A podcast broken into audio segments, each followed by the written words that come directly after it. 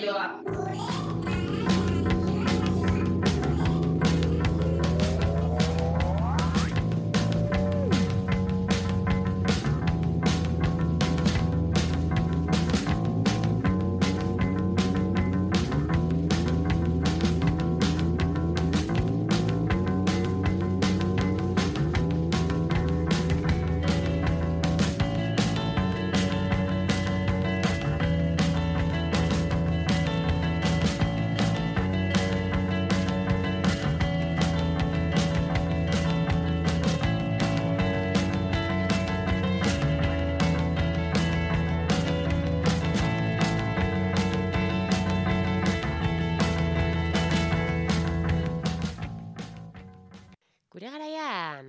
aste urero zeuden mugidak. Gure garaian, gazteak konprometituagoak ziren. Gure garaian, gure garaian, zeintzu dira baina gure garaiak. Atzera begira jartzea ez da nostalgiarik eta hutsa. Egungo errealitatea ulertzeko beharrezkoa dugu nondik gatozen jakitea. Eta historiaren kontakizuna liburuetan jasotakoa baino sakonagoa da. Memoria historikoak hainbeste lerroburu hartzen dituen testu inguruan, gure ekarpena egin nahi diogu herrigintzatik herri memoria kolektiboari. Egungoa ere bada ordea gure garaia. Irratsaio honetan iragana eta egungo garaiak lotzeko saiakera egingo dugu. Haiek gure garaiak zirela eta hauek ere badirela aldarrikatzeko.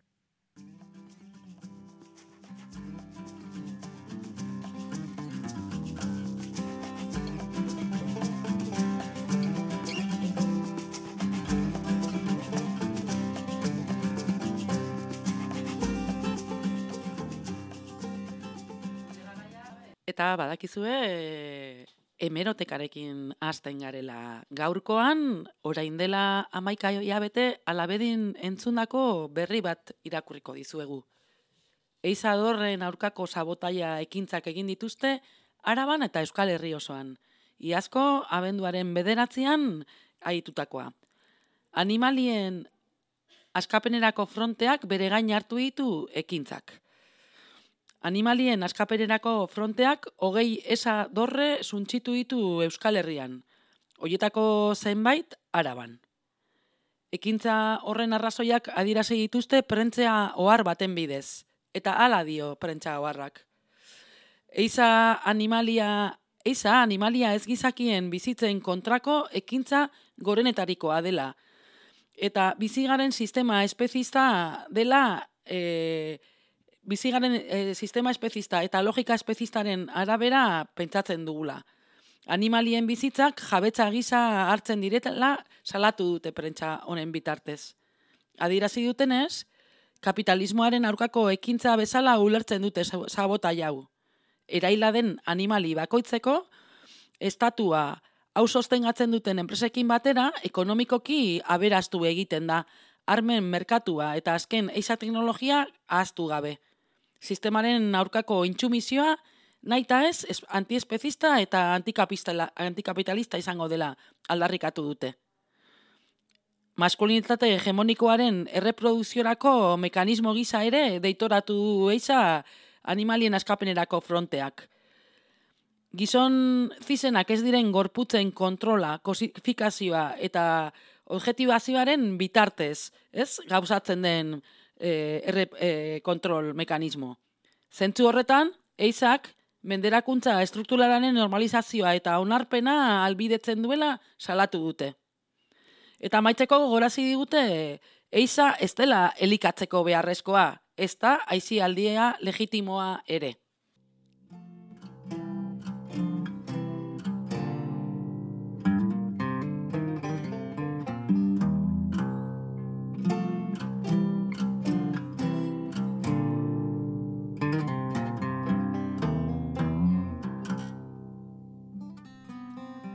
Martak irakurritako albistean nabarituko zenuenez, gaurko gure garaian irratsaioan antiespezismoa izango dugu izpide. E, mugimendu antiespezistak urteak daramatza Euskal Herrian antolatzen, forma desberdinetan. Eta esan genezake oroar antiespezismoa espezismoaren kontra eta animaliaren animalien askapenaren alde borrokatzen duen mugimendua dela. Eta gaurko, gaurko irratxaiorako, e, antiespezismoa hitz egiteko, bertako e, militantea den maialen gonbidatu dugu.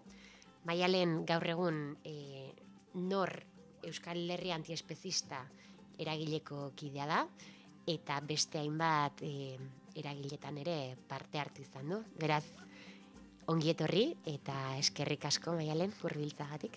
Kaixo, eskerrak zuei gonbidapenagatik.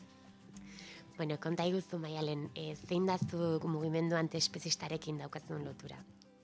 Bueno, ba, badira urteak e, mugimenduan militatzen dudala, hasieran e, askekintzan, egon nintzen urte batu ez, e, donostiko eragile lokalean, eta ondoren ba, 2018an e, nor sortu genuen Euskal Herri mailan aritzeko eta batez ere komunikazioaren arloan.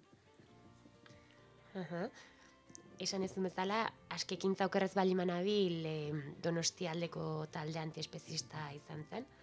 2008an sortua, eta 2008an sortu zenuten nor eragilea ez da.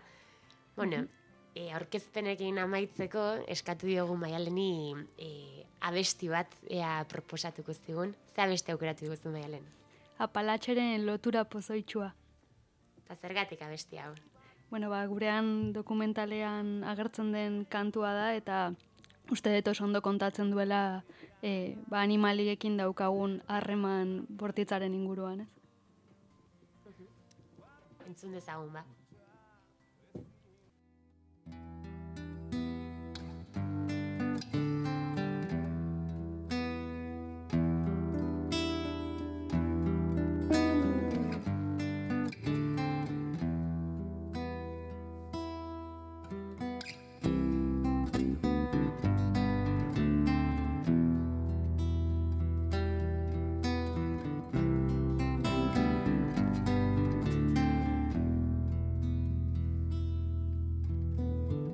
Hausnartuz noa. Inguruko aha dirudin naizelaren partaide. Itzik ez duen langile utxa Zargirik ez mamirik duen funtsa. Lana eta izerdia ere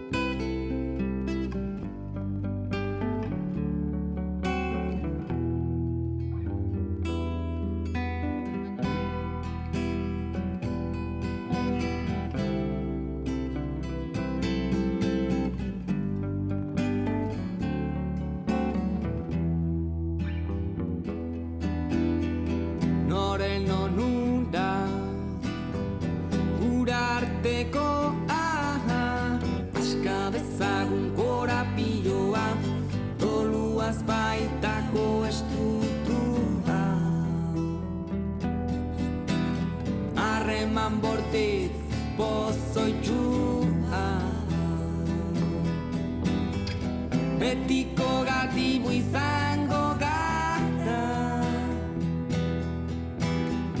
Maitatu zaskatzen ez bagara. Zer balio du gure izanak? Beste maitatzeko gai ez bagara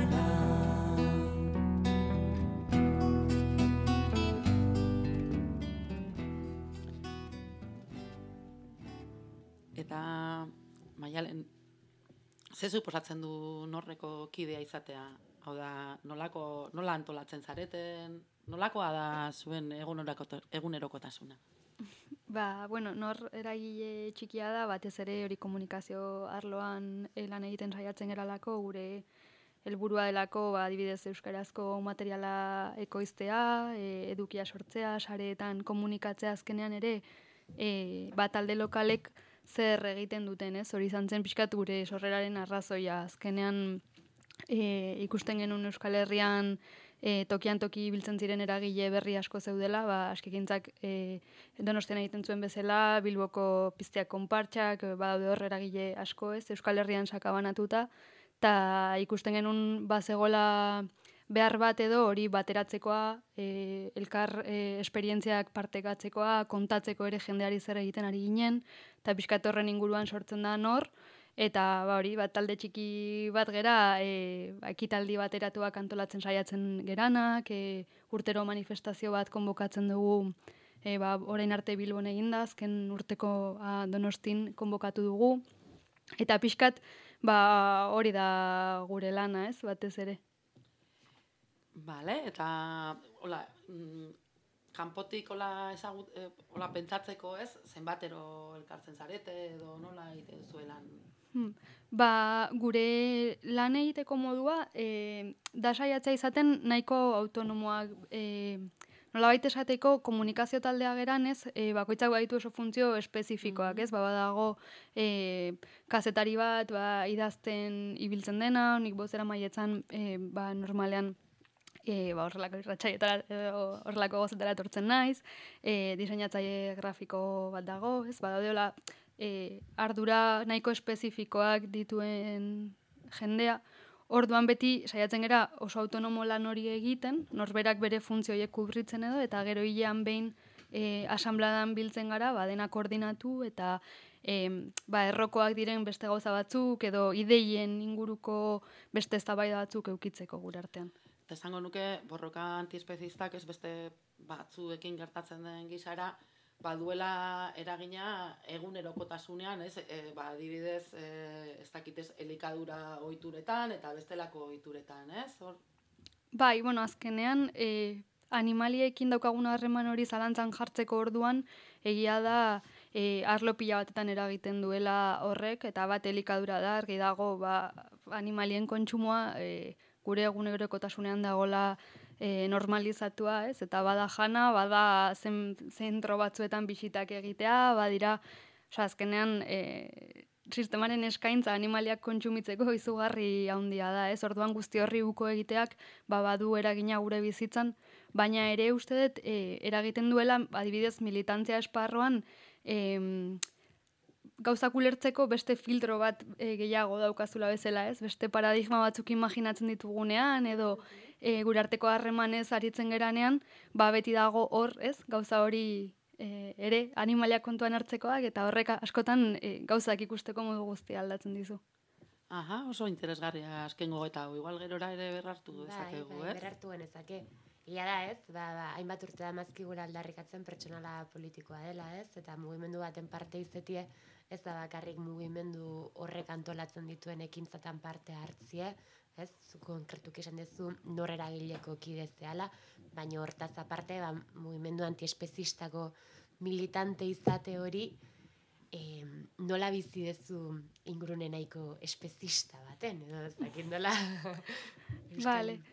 Ba, bueno, a ber, e, oinarrizko zerbait da, osea, gauzak horrela dira, ez, batzutan, eta ere ulertu behar dugu ze momentutan gauden, ze goeratan gauden, eta ba, saiatu ere ulertzen ba, norberatik eta gure esperientziatik ba, gu ere espezistak izan garela eta oraindik ere jarrera espezistak dauzkagula, ez? Azkenean e, oso e, kontradikzio handiak sortzen dizkigun zerbait e, mugimendu antiespezistan da gu ez gerala zapaldutako sujetuak. Ze, ba, ni feminismoan militatzen ari banaiz, badakit nire beharrez eta hausnartuko dudala, ez?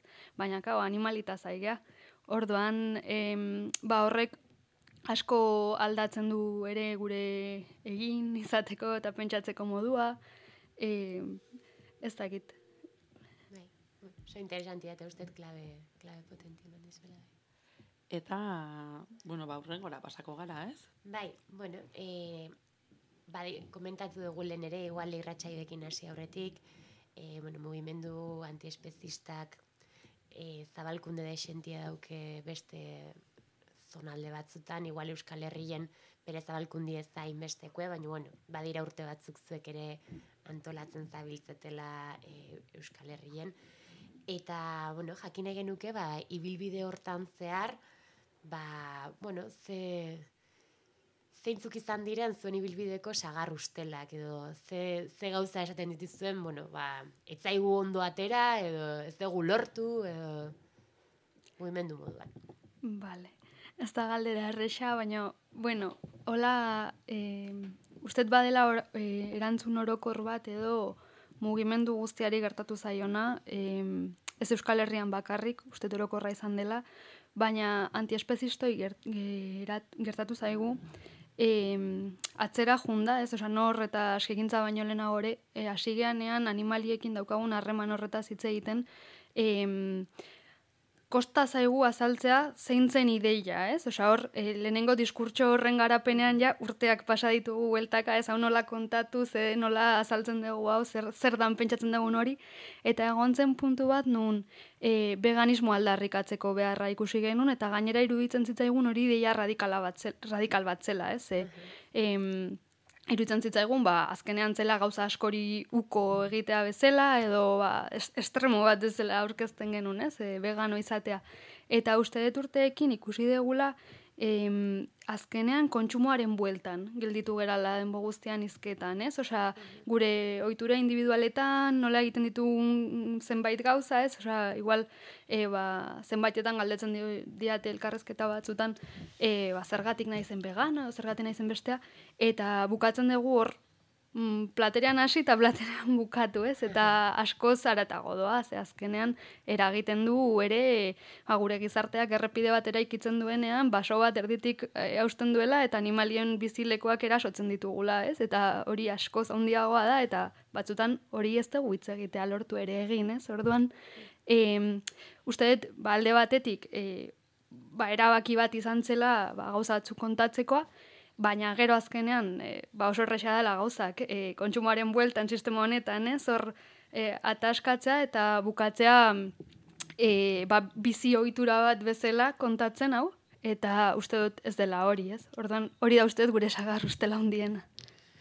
Bueno, sagar ustelez gain ordea, ba ziur usta, usta nabarmenak eta usta onak ere izan dituzuela eta Eta, bueno, eman diezai egun tokitxo bat beraiei ere, ez? Zeintzuk izin dira zuen lorpenak edo guztarik onenak?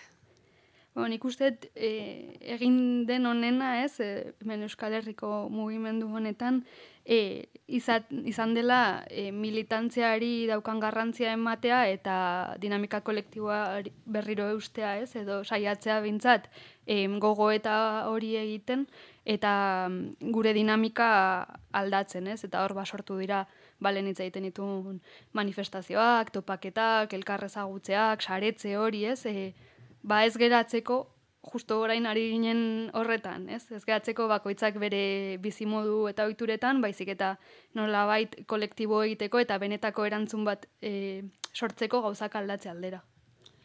Eta jakei badakigu, ez, e, antiez, e, bere, beraien buruak antiespekistatzat dituztenekin, bueno, ba, arago ere bazabiltzatela, ez, e, lehen kotxa, bueno, on, onuntzako bidean egon gara, ez, irantzatxekina kanpadari buruz hitz egiten, eta ez bertan izan ginela, eta hola, eta pixkat, interesatzen zaigun beste gai bat da, zenolako harremanak dituzuen beste, beste mugimenduekin, ze aliantzak, ze, ze konfrontazio, ez, ze gatazka ere, eta, bai, hola, pixkat horren bueltan, ez?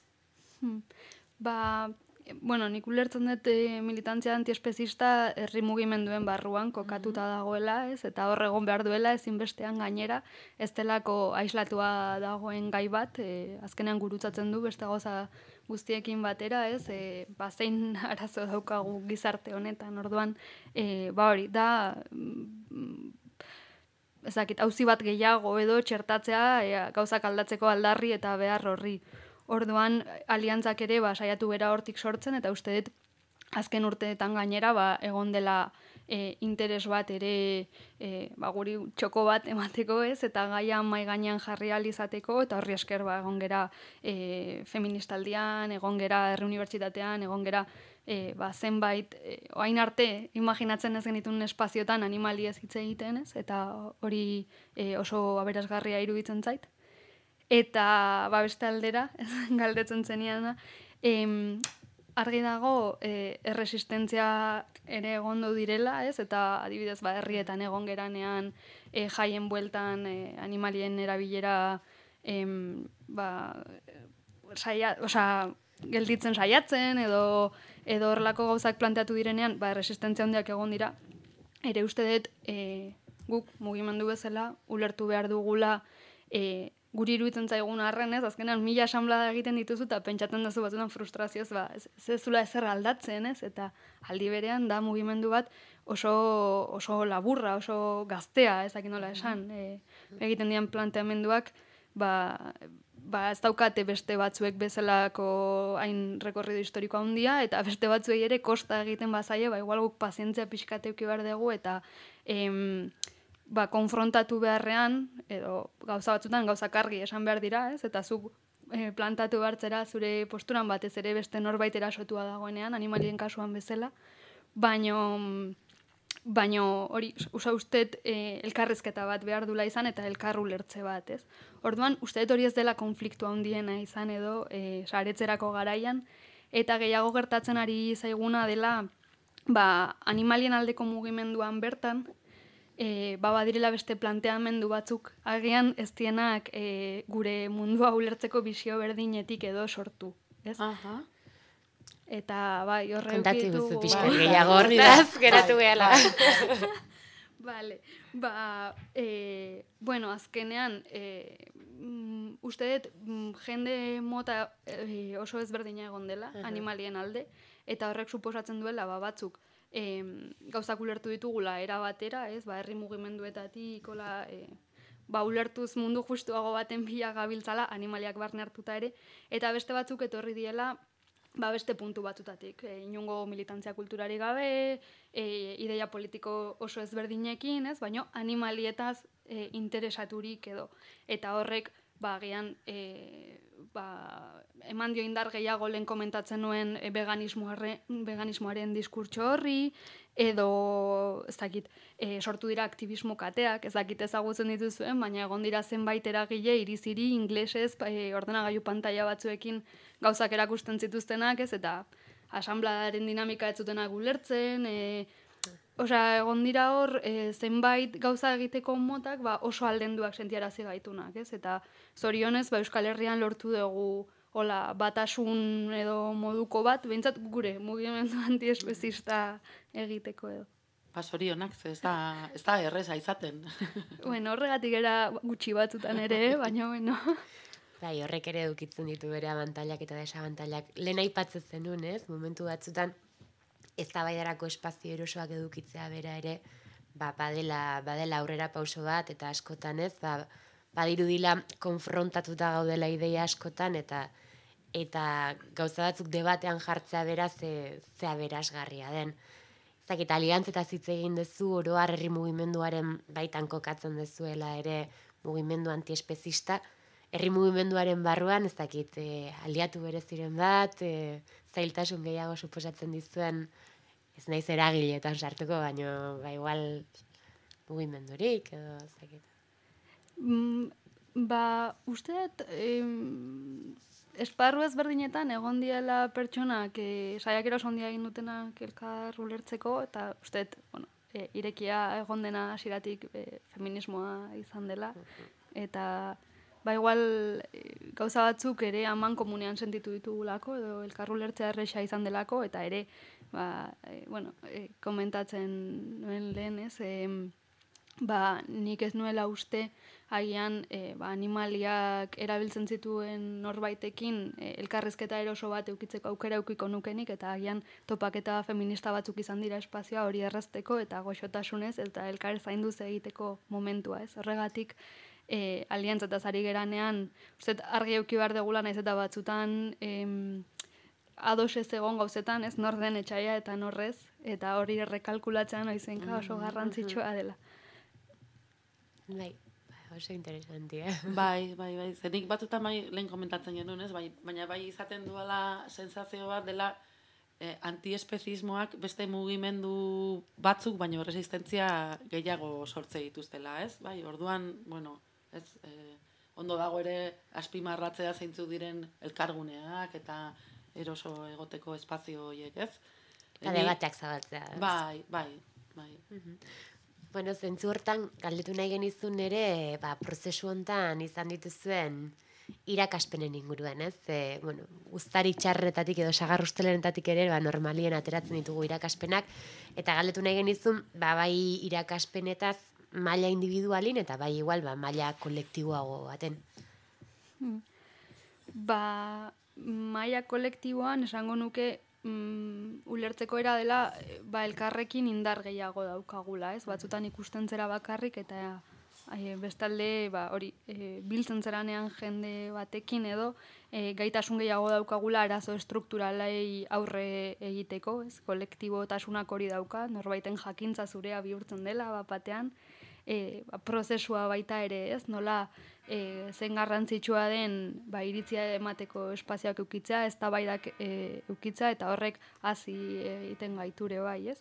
Eta, bueno, individualki, ba, bide horretan ere, zein erlazio sortzen dituzun hor, zein pertsona, zein e, gauza interesgarri ikasi daitezken, eta eta nik uste e, honekin ere ba, asko elikatu gerala ba, ulertu ahal izateko e, nun kokatu gaitezken, ez, mugimendu bezala eta e, mm, gure aldarriaren bueltan ere sakonago aritzeko, ez, urteekin, ba, hain atzera begiratuta ikusten dut nola hasi ginen eta e, nola geroz eta gehiago ikasten dugun eta eta hobeto zaintzen garen eta ba bueno, hori da pixkat kasitakoa. Ba, mila esker maialen eta hola, amaitu aurretik galdetu nahi dizu, aber, lelo bat, ez? E, zuen borroka labur biltzen duen lelo bat, ez? Hola, Ba, bueno, beti o, erabili izan duguna izan da e, animalien askapena zapalkuntza guztien aurka, ez? Ta izan da pixkat e, argi utzi genulako nor ginen. E, Beti e, ulertu delako, bueno, e, nik entzun izan duen noiz bait, animaliak inporta zaizkizue eta gainontzekoa ez. Eta oso kuriosa egin zait, ze normalean gure bidea alderantzizkoa da. Sartu gera saltsa guztitan eta onaino iritsi gera, ez? Ja. Orduan, gauza asko inporta zaizkigu eta e, ulertzen dugu estruktura kontu bat dela eta eskatzen ari garena dela animaliak ere kontuan izateko. Horregatik lelo hau garrantzitsua iruditzen zait mugimenduan ere denok ondo barneratzeko. Jo, ba, eskerrik asko benetan, nik Ba- uste dut gaur asko ikasi dela. bai, mila esker, bagoaz ez gogoetatzeko ideia pilo batekin, eta... Beste zerbait esan nahi baldin badezu amaitu horretik, zuri edaitzu baita ere, eh? E, bueno, eskerrak zuei e, oso pozik nago espazio eukitzeaz eta zuekin aritzeaz, beraz, ba, ea, elkartopatzen jarraitzen garen. Ba, bai, ez?